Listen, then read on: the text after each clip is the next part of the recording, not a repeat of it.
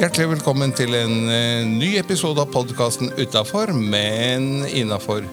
Skapt, utviklet og forbedret av Parkinsonforeningen i Oslo og Akershus. Programledere Seriline Erlandsen og Edgar Waldmanis.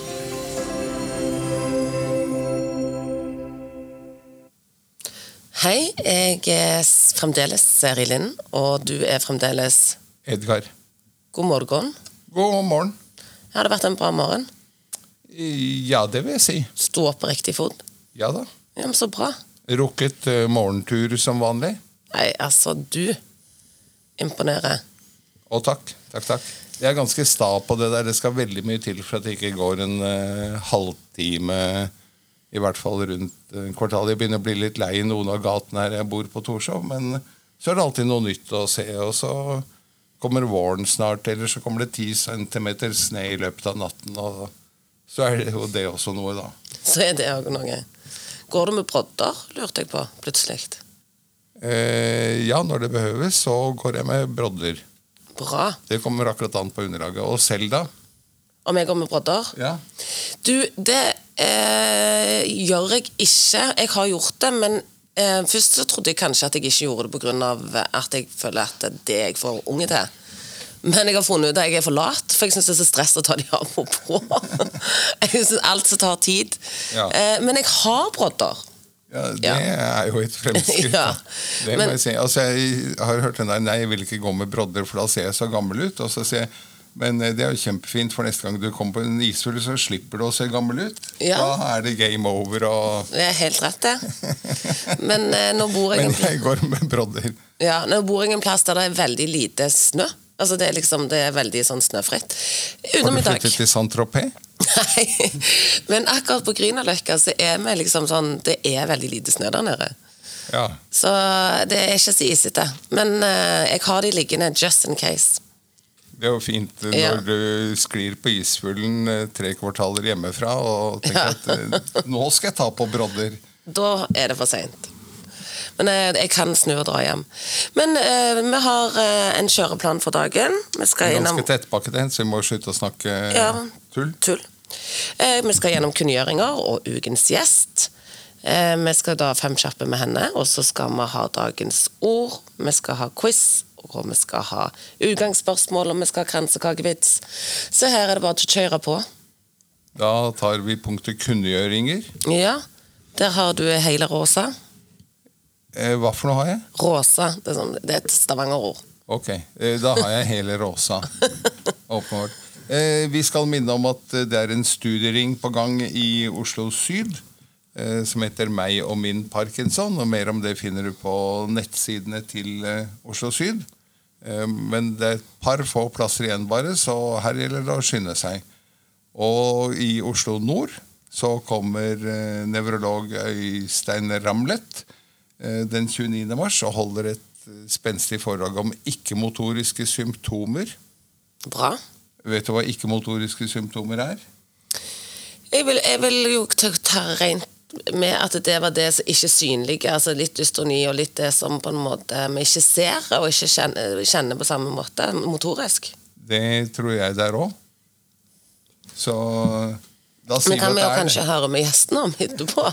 det. kan vi høre med gjesten eh, om om bare noen få øyeblikk. ja. Og så er det jo Parkinson-dag den 11. april. Det er faktisk tirsdagen rett etter påskeferien. Eh, Og i år markeres den eh, flere steder i landet med spesialvisning av den siste filmen. Og da kan du si 'den siste filmen' om hva? ja. Og så kan jeg si at den heter 'Den siste filmen', fordi det er den siste filmen som filmskaperen Petter Vennerød laget. Før han eh, dessverre gikk ut av tiden. Det vil si at Han rakk ikke å gjøre den ferdig engang. Det var hans kone Karianne Vennerød som gjorde filmen ferdig. Og den handler jo om at han eh, gikk ut av tiden, som sagt, pga. en spesialvariant av parkinsonisme som heter para... Du, ja, Det tenker vi får dagens gjest til å forklare om et Vi kan få spørre alt i dagens gjest. Hun får, hun får en del å foredra om her.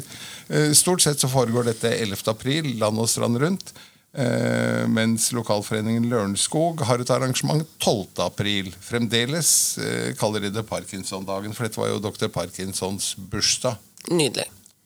Men da skal vi kanskje få inn ukens eh, Ja. gjest, da.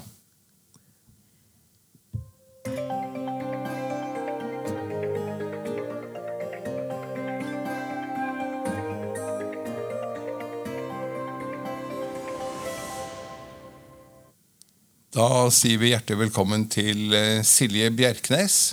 Tusen takk. Du er Jeg er nevrolog. akkurat, så det er derfor du vet alt om eh, alle punktene som Ja. Du, du er liksom den, det yrket som jeg tror, i og med at jeg jobber mye med parkinson, som en aldri får tak i. Nei. Vi er altfor sjeldne. Ja. Ja. Nei, jeg er nevrolog, og så jobber jeg på Rikshospitalet på eh, enheten for bevegelsesforstyrrelser eh, der. Mm. Og I tillegg så er jeg prosjektleder for eh, implementering av Parkinsonett i Helse Sør-Øst. Og forsker litt på Parkinson også. Jeg har mange hatter i forhold til Ja. denne diagnosen. Men du har forsket mye allerede, har du ikke det? Jeg syns jeg så at du hadde en doktorgrad. Stemmer. Du har en å jakte på en til. Nei, det holder kanskje med én. Ja. Nei da, Men- men man må ikke slutte selv om man har tatt doktorgraden. tenker jeg. Nei, Nei, veldig bra. Eh, Siden vi sa at dere er sjeldne, hvor mange ansatte er dere på Oslo universitetssykehus? Og nå spør du godt. Eh, nei, Vi er ganske mange. Jeg tror faktisk det er 70 leger til sammen på Oslo universitetssykehus. Mm. 70 nevro- nevrologer? da, selvfølgelig. Ja. Eh, så det er jo ganske mange, men det er jo fordelt på Rikshospitalet og Ullevål. Um, og veldig mange av disse forskere gjør jo andre ting, litt sånn som jeg gjør også, ved siden av klinisk arbeid. Ja. ja, for det er jo ikke lett å få time og få tak i nevrologen sin alltid. Men uh, nå har vi fått eh, tak i deg. Si litt om bakgrunnen. Hvorfor du har valgt som du har valgt. Ja, hvorfor jeg har valgt som jeg har gjort? Eh, Det er jo litt tilfeldigheter noen ganger, tror jeg. Eh, altså, min første jobb etter turnus var eh, i nevrologi på Drammen sykehus. Um, og syns egentlig det var veldig, veldig gøy. Um, eh, men jeg var en mellomstasjon hvor jeg studerte tropemedisin i London. Og jobbet litt med både onkologi, altså kreftmedisin, og accidents and emergencies, og gjorde litt forskjellige ting. Eh, Men var der også på nevrologi. Da var jeg bl.a. på Queen Square i London en periode. Og fant vel ut at nei, det var nevrologi som var det morsomste. Ja, Ja. Så da når jeg var ferdig i London og dro hjem, så fortsatte jeg da med nevrologi. Mm. Og da har det blitt i sum hvor mange år? Ai, ai, ai. Ehm, fra 2007 var jeg vel ferdig da, med turnus. Ehm, 2006. Og så har jeg vært på Rikshospitalet siden 2010. Ja. Begynner å bli noen år. Det begynner å bli noen år. Familie og slikt? Jeg er gift, og så har jeg to barn. Ja. En, en på åtte og en på elleve. Og bor Bor i Oslo. Ja. Og eh, hva skulle du gjort hvis du ikke skulle blitt nevrolog? Eller ikke lege i det hele tatt? Ja, ikke sant? Det er jo litt, Jeg begynte på universitetet rett fra videregående. øh, Og hadde egentlig ikke tenkt på så mye annet enn å bli lege. Så, men jeg visste jo ikke om jeg kom til å like det eller ikke. Så jeg begynte å tenke hvis jeg liker det, så fortsetter jeg. Hvis ikke, Så så, du må jeg hadde finne på noe annet. snittkarakter på 8,14 eller noe? Ja, nesten. Nei, det var ikke Ikke helt. Nei da. Men øh, jeg har egentlig ikke hatt øh, noen andre store drømmer, egentlig. Jeg øh, har vært fascinert av medisin hele veien og syns det har vært veldig spennende. Ja. Og Hvis du- endret ikke mening underveis i studiet heller. Men nå er det sånn at du er nødt til å velge. Hvis du skulle blitt noe helt annet Hvis jeg skulle blitt noe helt annet Jeg vet ikke. Eh, arkitekt, kanskje? Nei, jeg vet ikke. Ja. Eh, Det, men hvis vi sier arkitekt, så får hun eh, la være å bli det. ja.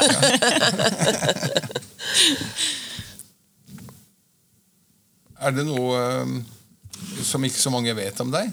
En såkalt fun fact? En såkalt fun fact. Um, Altså, jeg er stort sett ganske blid og fornøyd og hyggelig. Men eh, hvis det går litt lang tid mellom eh, inntak av mat og drikke, så kan det bli ganske mutt og tverr og helt ubrukelig, rett og slett. Det er fylle på ikke i så mange- kaffekoppen, ja. da? Det ligger noen Kvikk Lunsj her på bordet også i anledning. Den har vel overvintret i og for seg. Men det er rart å se at jeg har på venner også, at noen reagerer så kraftig på blodsukkerfall enn andre. At det er ja. Det passer alltid på å ha noe i lomma. Da, sånn at det er hyggelig hele tida. Så det er veldig få som vet om deg. Nettopp. Ja. Men du, litt eh, tilbake til eh, Parkinson-nett. Eh, 60 sekunder for de av lytterne som ikke kjenner til hva Parkinson-nett er.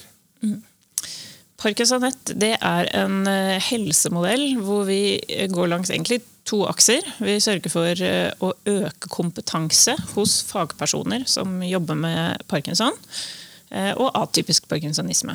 Um, Og nummer to at vi skal sørge for at eh, det blir et nettverk av disse personene. Altså de lettere får kontakt med hverandre og opplever at de er mer en eh, faglig gruppe. Da. Mm. Så det er veldig kort. De to aksene som modellen Ja. går langs. Og så er det meg og tall igjen. Cirka hvor mange leger og logopeder og hva annet finnes eh, registrert i Parkinson-nett i dag i Ja, Norge? nå har jeg ikke hele landet sånn, jeg uh, har mest Men ansvar for Helse ikke sant, helse for øst. Så har vi um, De siste tallene er eh, 740 fagpersoner som har vært på grunnkurs da, eh, Ja. hos oss. Og I tillegg der så kommer legene, fordi legene er ikke med i det nettverket.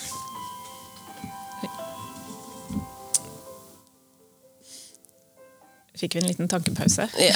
Ja, men det går fint. Det går fint. eh, legene kommer i tillegg der, for de står ikke i dette fagpersonregisteret vårt. Da. Men de er, vi har hatt eh, omtrent 30 leger med på første dag av vårt grunnkurs. ja. Men eh, hvilke faggrupper er det som nå er med i Jeg vet at det er en, en av de er mine, men eh, hvilke andre for de som ikke vet det? Ja, så de, det ble, når dette ble bestemt da, av Helse- og omsorgsdepartementet, dette var noe som de ønsket at vi skulle satse på i Norge, eh, og rulle ut i hele landet, så ble det bestemt at vi skulle begynne da, med fire faggrupper. og Det var logopedi, fysioterapi, ergoterapi og sykepleie. Ehm, og det var litt for at man må begynne et sted. Eh, og, for disse faggruppene eh, er det fortsatt de som på en måte primært er med, eh, og som vi har eget særfaglig opplegg for. Men vi har jo lyst til å brede litt mer ut også, og kunne inkludere andre grupper også, som vi ser jobber veldig mye med diagnosen. F.eks. psykologer, kliniske ernæringsfysiologer og er flere andre også. som vi Farmasøyter. farmasøyter. Ja. Så da må vi på en måte, så vi har valgt å starte et sted og få ordentlig i gang Parkinsonett. Og så tenker man at man skal på en måte bygge det litt ut etter hvert. da. Mm. Du sa at du var ansatt i Parkinson-nett. Er det en heltidsstilling? Nei, det er ikke det. Hvor, hvor stor brøk eller prosent? Jeg har ca. halv stilling i Parkinsonett. Eh, kommer til å gå litt grann ned der for å jobbe mer klinisk. For å kunne se litt flere pasienter. Ja. Det er jo bra. Gode nyheter til alle lyttere. Ja. Silje får tid til to pasienter til. Ja, nei, så jeg kommer til å beholde en eh, fortsatt en stilling i Parkinsonett, men, eh, men kommer til å jobbe litt mer klinisk nå. Mm. Hva er det som er viktigst klinisk, klinisk for deg, holdt på å si, hva er det du ser i forhold til parkinson? Oi, det er et stort spørsmål, egentlig. Ja. Du kan få lage det vi mindre. ser, altså, ehm, jeg ser jo pasienter i alle deler av sykdommen, egentlig. Men vi gjør jo selvfølgelig veldig mye avansert behandling hos oss, for der får vi også henvist fra resten av Norge. Ehm, så det kommer jo helt an på Jeg tror det handler om å se pasienten. Da, og se hvor er man, hva slags plager har man mest av. Ehm, Så jeg bruker alltid litt tid på det. eh, Og ikke minst de ikke-motoriske symptomene, som dere snakket om i Ja, stad. og det var, Ja. hvis du kunne fortelle det. Så det er jo alt som ikke er den stivheten, tregheten og skjelvingen. Eller dystoni er for øvrig et, også et eh, motorisk symptom. Ja, Da. ja. Dystoni dystoni er- feil mis- muskelspenning. Ikke sant? Det er noen som kan få en fot som vrir seg litt, eller en tå som står opp, eller krampe i leggen f.eks. Eh, Det ikke-motoriske er jo mer som du sier, altså det du ikke ser. Eh, Det kan være søvnvansker, eh, psykiske vansker som depresjon og angst. Det kan være blodtrykksproblemer, svetting, ja, treg mage, problemer med vannlatningen. Så det er ganske mange ulike symptomer da, som man kan ha. Det er ganske vanlig å ha noe av det, men ingen, det er jo få som har alt. Ja. Eh, men, men det kan påvirke livskvaliteten i veldig stor grad. Så det er noe jeg prøver å spørre om, i hvert fall å ta opp. Eh, For det er en del man kan gjøre i forhold til det også. Mm. Og ikke minst i forhold til det ikke-medisinske behandlingen. Da, ikke sant? Det er som er i Parkinson Nett også, den der tverrfagligheten. Og det er ikke alltid nevrologen er det som kan fikse problemet. Noen ganger er det logopeden. Ja. Ikke sant? Eller fysioterapeuten. Eller ergoterapeuten. Så det er jo viktig å tenke på det også. Er det noen andre fagpersoner som egentlig burde inn her, som kan gjøre hverdagen til denne personen bedre? Ja, og pårørende. Jeg jobber jo som parterapeut òg. Og det å kunne jobbe inn i familien eller med paret, Ja. for det påvirker alle, så er det ganske Hvor, hvor ofte har dine pasienter med pårørende? Det varierer veldig, men jeg er veldig positiv til at de har med pårørende. Eh, Så oppmuntrer egentlig det til det. Jeg syns det gir litt ekstra. For det hender jo at partneren kommer med noen andre innspill eller noe de har lagt merke til. Og ikke minst det også til å ta med seg informasjon eh, hjem igjen nå. At det er to som husker. Ja, det var det jeg tenkte på. Jeg ser på medlemstallene i, i forbundet og, de enkelte lokalforeningene. Og veldig grove tall er liksom at når en lokalforening har 100 hovedmedlemmer, som det heter, de med diagnosen, så er det 20-25 pårørende som er medlemmer. Og det syns jeg er veldig synd, for at, som du sier, det gjelder å fange opp det legen sier eh, når du har din halvårlige konsultasjon. Og og også som du sier, at man kanskje tar med noe og sier at ja, men nå har eh, hen begynt å sove dårlig om natten, eller, mm.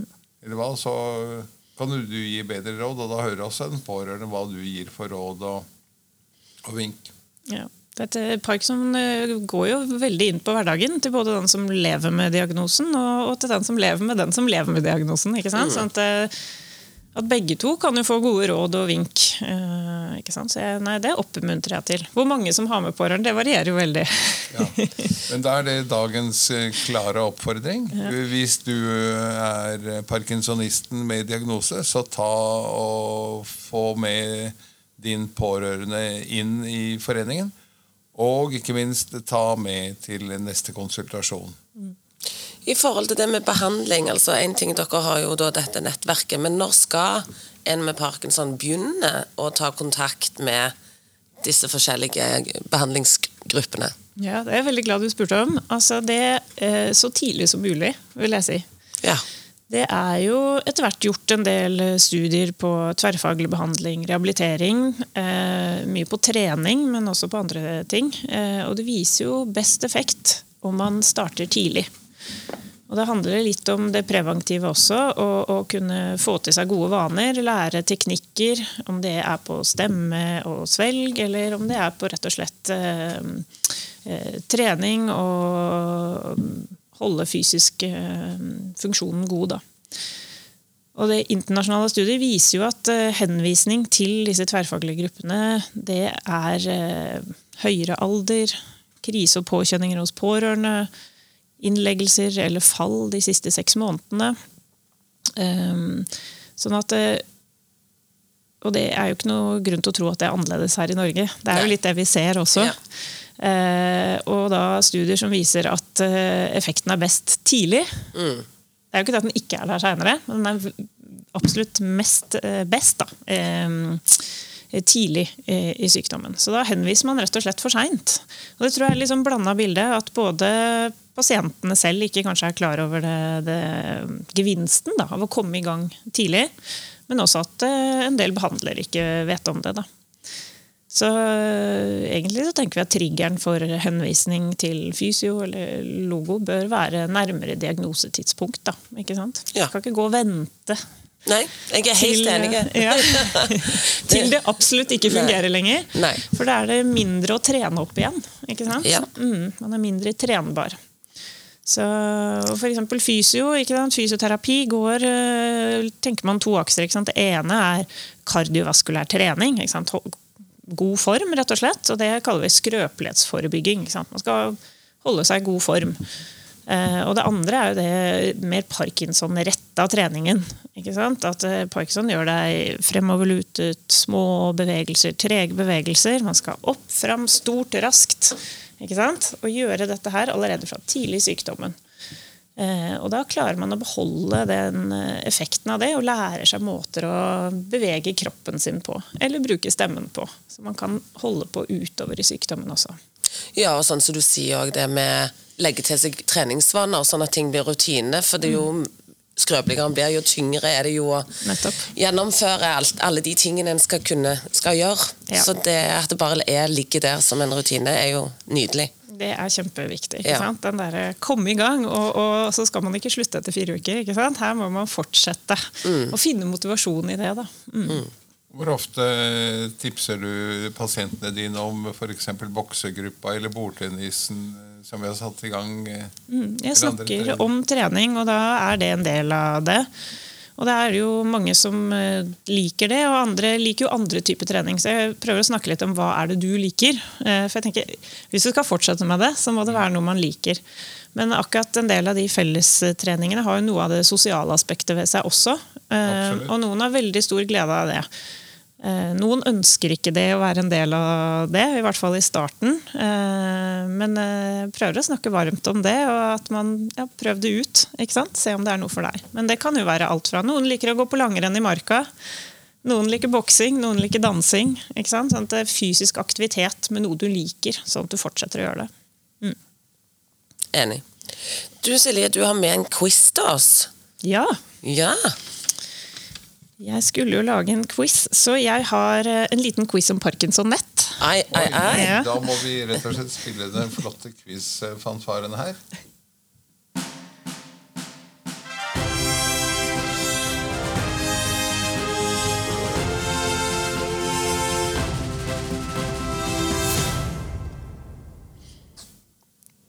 Quiz om Parkinson-nett ved nevrolog doktor Silje Bjerknes. Tusen takk for den flotte introduksjonen. Skal vi se. Spørsmål én. Ja. Dere er klare? ja. Jeg er klar. Hvordan kan jeg lett finne en behandler med kompetanse på Parkinson i nærheten av der jeg bor? Er ikke det inne på Parkinson sine nettsider? Det er det også. Eh, og det er en lenke videre til eh, For nå er jo Parkinson-nett skilt ut fra Parkinson-forbundet. Som eh, forbundsleder Trygve Andersen sier, så er vi ikke lenger i lokomotivet. Nå er vi i vogn tre eller noe sånt. Men eh, eh, jeg vil jo si at det aller enkleste er å google Parkinson-nett, og så får du opp rett, rett nettadresse, og der ligger et, et kart. Og du kan også søke ved å taste inn i et søkefelt. Så kan du taste inn eh, bostedet ditt og mm. hvilken profesjon du er på jakt etter. Nettopp. Så Adressen den er ganske lett å huske. Det er parkinsonnett.no.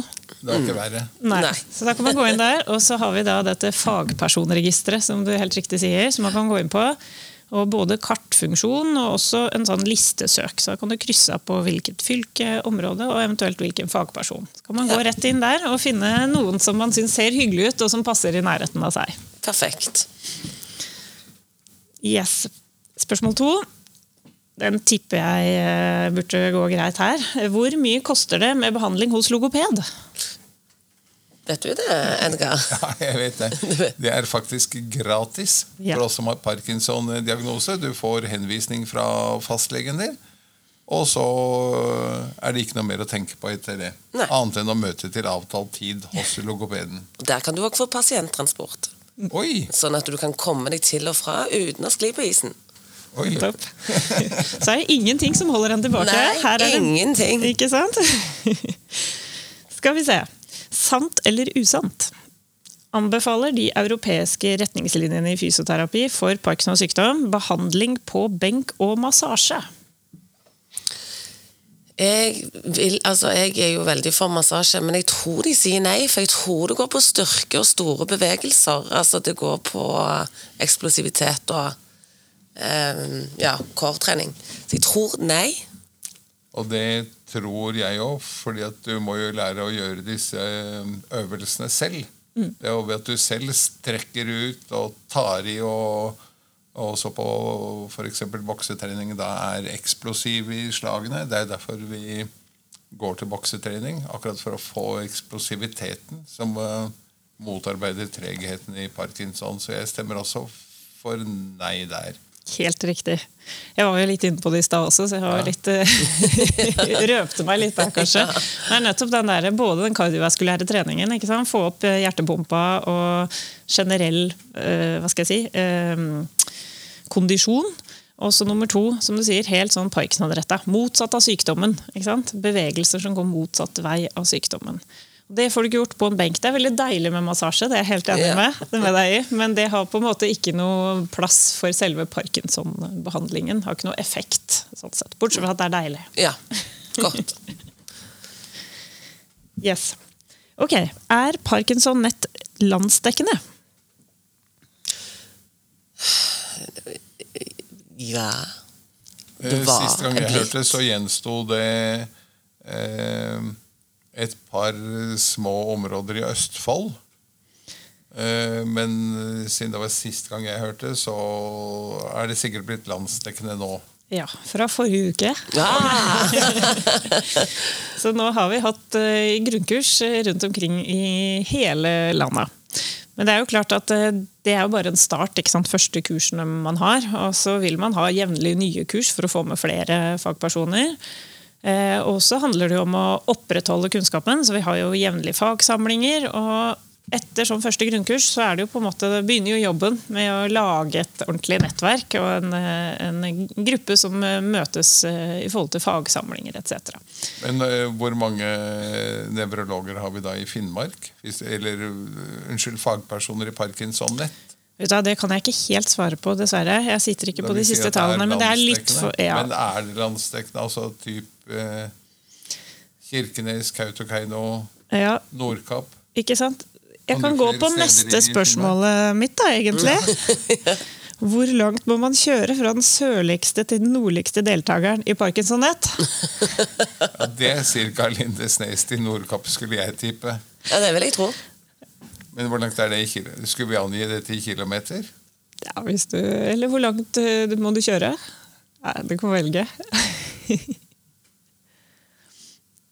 Hva sier Seri Linn? Nei, jeg, det, jeg tenker at Du jeg, kjører mye mer bil innenlands enn det jeg gjør. Ja, men hvis vi skal så langt, så snakker vi jo fem dager, fire dager i bil, da. Hvor langt kjører du på en dag? 50 mil? Ja. 500 Men det var jo bare kilometer hun ville ha. Så og det kilometer, det tør jeg ikke gjette på. Like langt som å kjøre til Italia. Ja, men Det er jo den samme at du plasserer passespissen i, Ja. eller spissen i Oslo, og så snurrer du norgeskartet rundt, så treffer du Roma. ja. Eh, Så, så langt. Så langt er det. Jeg kan jo si at eh, det er helt riktig Lindesnes er jo det sørligste stedet Ja. vi har fagpersoner. Og så går det helt nord til et sted som heter Gamvik. Og det er jo så langt nord omtrent eh, du kommer. Og det er da Jeg sjekka på Google Maps. Ja. 2429 km og 31 timer i bil. Så jeg vil jo si at det er jo spredd ganske Ja. godt utover landet. Men vi er jo ikke ferdig, ikke sant? Og noen steder har vi hatt mye større påmelding enn andre steder. Men det vi ser, da, at eh, når vi først har hatt et kurs, eh, et område, eh, så går jungeltelegrafen litt blant fagpersonen også. Veldig mange er veldig fornøyd eh, etter å ha delt på, eh, deltatt på kurs, og går tilbake til der de jobber og anbefaler sine kollegaer å være med. Så det er faktisk enda lettere å få deltakere til kurs nummer to enn til kurs nummer én. Ja.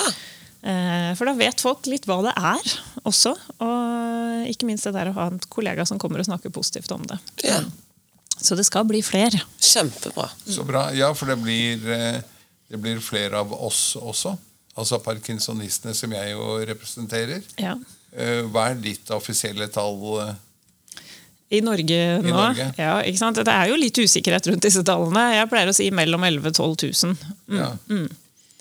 Så, men eh, det er litt vanskelig å vite eksakt. Mm. Så da er dagens oppfordring igjen at folk går inn på Parkinson-registeret og registrerer seg der, så at vi får telt oss selv og hverandre. Yes. Ja. Var det, det var fem spørsmål, det? Eller? Ja, det var fem, da. Nydelig. Jeg vet òg du har med deg dagens ord. Ja. Eh, jeg prøvde å tenke Altså, jeg har jo liksom ikke ett sånn motto som jeg eh, har overordna i livet mitt, men eh, det som eh, falt ned i hodet mitt, var Altså, det er på engelsk, da, men Vi tar det. Vi klarer det. Dance like nobody's watching. Ja.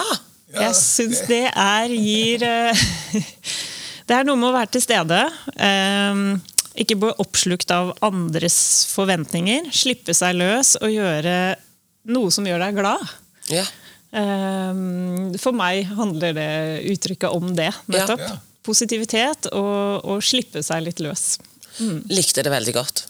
For jeg, Det traff meg, for jeg er en som alltid tror at alle ser på meg når jeg danser. Derfor danser jeg aldri.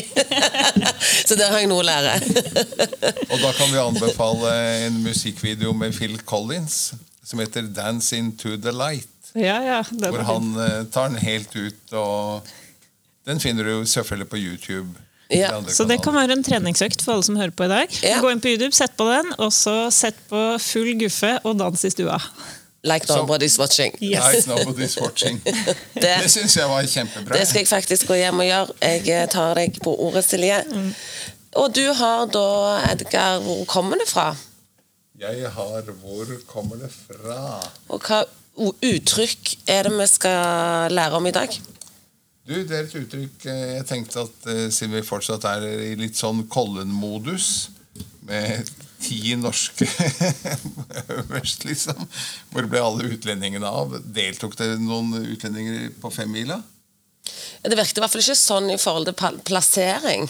Nei, nemlig. Eh, For uttrykket jeg har funnet frem til, er eh, syvmilsstøvler. Ja.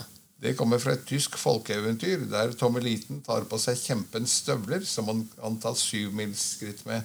Og Espen Askeladd brukte også syvmilsstøvler for å hente vann til prinsessen fra verdens ende. Eh, Og i gresk mytologi så er det jo mange fortellinger om de vingede sålene som Hermes brukte, og som kan ha gitt opphav til de andre eventyrene. Ja. Og jeg tenkte det er jo litt sånn eh, fra Kollen til eh, snart påske ja. med tur på fjellet. Så hvis du har syvmilsstøvler, så blir det en bra tur. Da blir det en bra tur. Dilemma. Dere to skal få lov å svare og drodle litt på. Det dilemmaet jeg har funnet frem til dere nå, det er jo ikke egentlig et negativt dilemma, for det er jo kanskje en fordel. Men du kan velge mellom at du får en pauseknapp i livet, eller en spoleknapp i livet. Pauseknapp. Hva går du for, Edgar? Og hvorfor? Hvorfor, Silje? Pauseknapp? Jeg har ikke lyst til å spole over noe i livet. Nei. Jeg tenker, Da vil jeg heller stoppe opp, tenker jeg. Og eh, ta en fot i bakken. Eh, enten, hvis det er kjempebra, så kan man stoppe opp og ved det som er bra, og la det synke inn. Og også hvis det ikke er så bra, kanskje finne ut en måte å krumme nakken og gå på. Ja. Mer det enn å spole over ting, tror jeg. Ja. Ja. Ja, det var vel nesten ordene tatt ut av munnen. Men jeg tenkte også at jo da, det høres eh, artig ut å kunne spole over eh, eh, ting. Eh, min kone og jeg har jo eh, to gamle foreldre, altså hennes mor og, og min far. Eh, og det kunne vært greit å liksom spole et stykke frem og hoppe over eh, demens og alt det der. Men så risikerer du å spole over de gode tingene òg. Det er mer attraktivt å ha en pauseknapp og kunne sette seg ned og ta et glass vin. Senke pulsen litt. Og da står tiden helt stille mens du gjør den, de tingene. Ja, men det er jo fint, for da får jeg jo god tid til å drikke et glass vin. kan ta Eller betyr fem. at jeg ikke kan drikke fordi det er pause? Ja, exactly. Å. Det er helt pause. Gjør ingenting, da. Nei, akkurat. Nei. Jeg går fremdeles for pauseknappen. Begge går for pauseknapp. Så må du der hjemme som lytter tenke hva ville du valgt, og hvorfor? For det er jo årsaken til disse hjernetrimøvelsene vi har, både med quiz og med dilemma og, og andre, er at vi trenger å trimme hjernen kontinuerlig. Det gjør vi. Men før, vi, vi pleier å ha et fast utgangsspørsmål, Silje. Men før det, er det noe du tenker du ikke har fått sagt, som du tenker er viktig? Nei, jeg vil egentlig bare repetere at øh, ved øh, Når man har diagnosen Parkinson, tenk på at det er viktig å trene, holde seg i form og bruke de fagpersonene som man har tilgjengelig der ute. Og gå inn på parkinsonnett.no. Yes. Da skal vi gjøre det. Utgangsspørsmålet til eh, ukens gjest varierer litt, men i eh, dag har vi tatt frem det vi har brukt noen ganger før, som er 'Hvem ville du invitert til middag?' Oi. og hvor. Helt fritt i tid og rom. Altså om det er eh, gått ut av tiden, eller eh, fortsatt høyst oppegående, eller Oi. Og det er sånn spørsmål jeg skulle forberedt meg til, det her. Uh... Ja, det er liksom sånn det å tenke kjapt. Ja, det er ganske vanskelig. Har du, men, men men Silje, tenker da, Edgar, har du kommet fram til noe nytt sted og tid eh, hvem du ville tatt med? Og, for Det er vel eh, kanskje første episode vi snakket om der. Det begynner jo å bli en del siden. Eh, Nei, på de første episodene så hadde vi jo heisspørsmålet. Hvem vil du helst Ja. stå fast i heisen? Så du har egentlig aldri svart, du heller? Nei, eh, jeg, eh, jeg har sett en del som svarer at uh, jeg ville stått fast i heisen sammen med Trump og tatt en for laget. Ja. Jeg tror jeg ville valgt noen jeg kunne hatt det morsomt med. Ricky Gervais syns jeg er ekstremt morsom Yes. fyr, og som har veldig mange betraktninger på samfunnet vårt. Så kanskje en middag med han, det tror jeg hadde vært innmari gøy. ja Og hvor? enig. Og hvor? Ah, Det kunne vært hvor som helst, bare så innmari god mat. Eh, Jeg er veldig opptatt av mat og drikke, så hmm. en, en eh, god restaurant i Paris, tror jeg. Ja. okay. God finger. Yes. Da håper vi at de ryddet søpla si eh, til du kommer ned. For at, eh, Forrige dagen så vi på Dagsrevyen at det er søppelstreik i Paris, Uff og det hauger seg opp. Det var kanskje et dårlig valg, det. Nei, nei, nei. nei. Da, de Så har dette opp. ryddet er i fritt sted og tid, sånn at du kan velge når som Etter, etter den Søppel. Søppelstreiken. Richard Gervais det syns jeg faktisk var et mye bedre valg enn eh, enn å stå fast i heisen med Trump. Ja. Morsommere, i hvert fall. Mye morsommere. Helt enig. Helt enig. Garantert, altså. Da er vi med veis ende. Ja, Det eneste vi har igjen å takke gjesten og en kransekakevits. da syns jeg vi tar en kransekakevits. Doktor, hva skal jeg gjøre med håravfallet mitt? Doktor svarer, kast det. Det er ingenting å samle på. Den er tørr. Ja da. Jeg tror det var et eller annet som gikk meg hus forbi. Det Jo, for fordi at han vil jo ha hjelp med håravfallet, og doktoren sier han skal bare kaste det, for det er ingenting å samle på. Jeg vet ikke om vitsen ble bedre av å bli forklart. Spole tilbake, så får du høre, sånn at du tar poenget. Jeg har en hel uke på meg til å ta poenget. Vi eh, takker eh, for i dag. Tusen takk for at du kom, Silje. Det var veldig spennende å snakke med deg. Tusen takk for invitasjonen. Ja.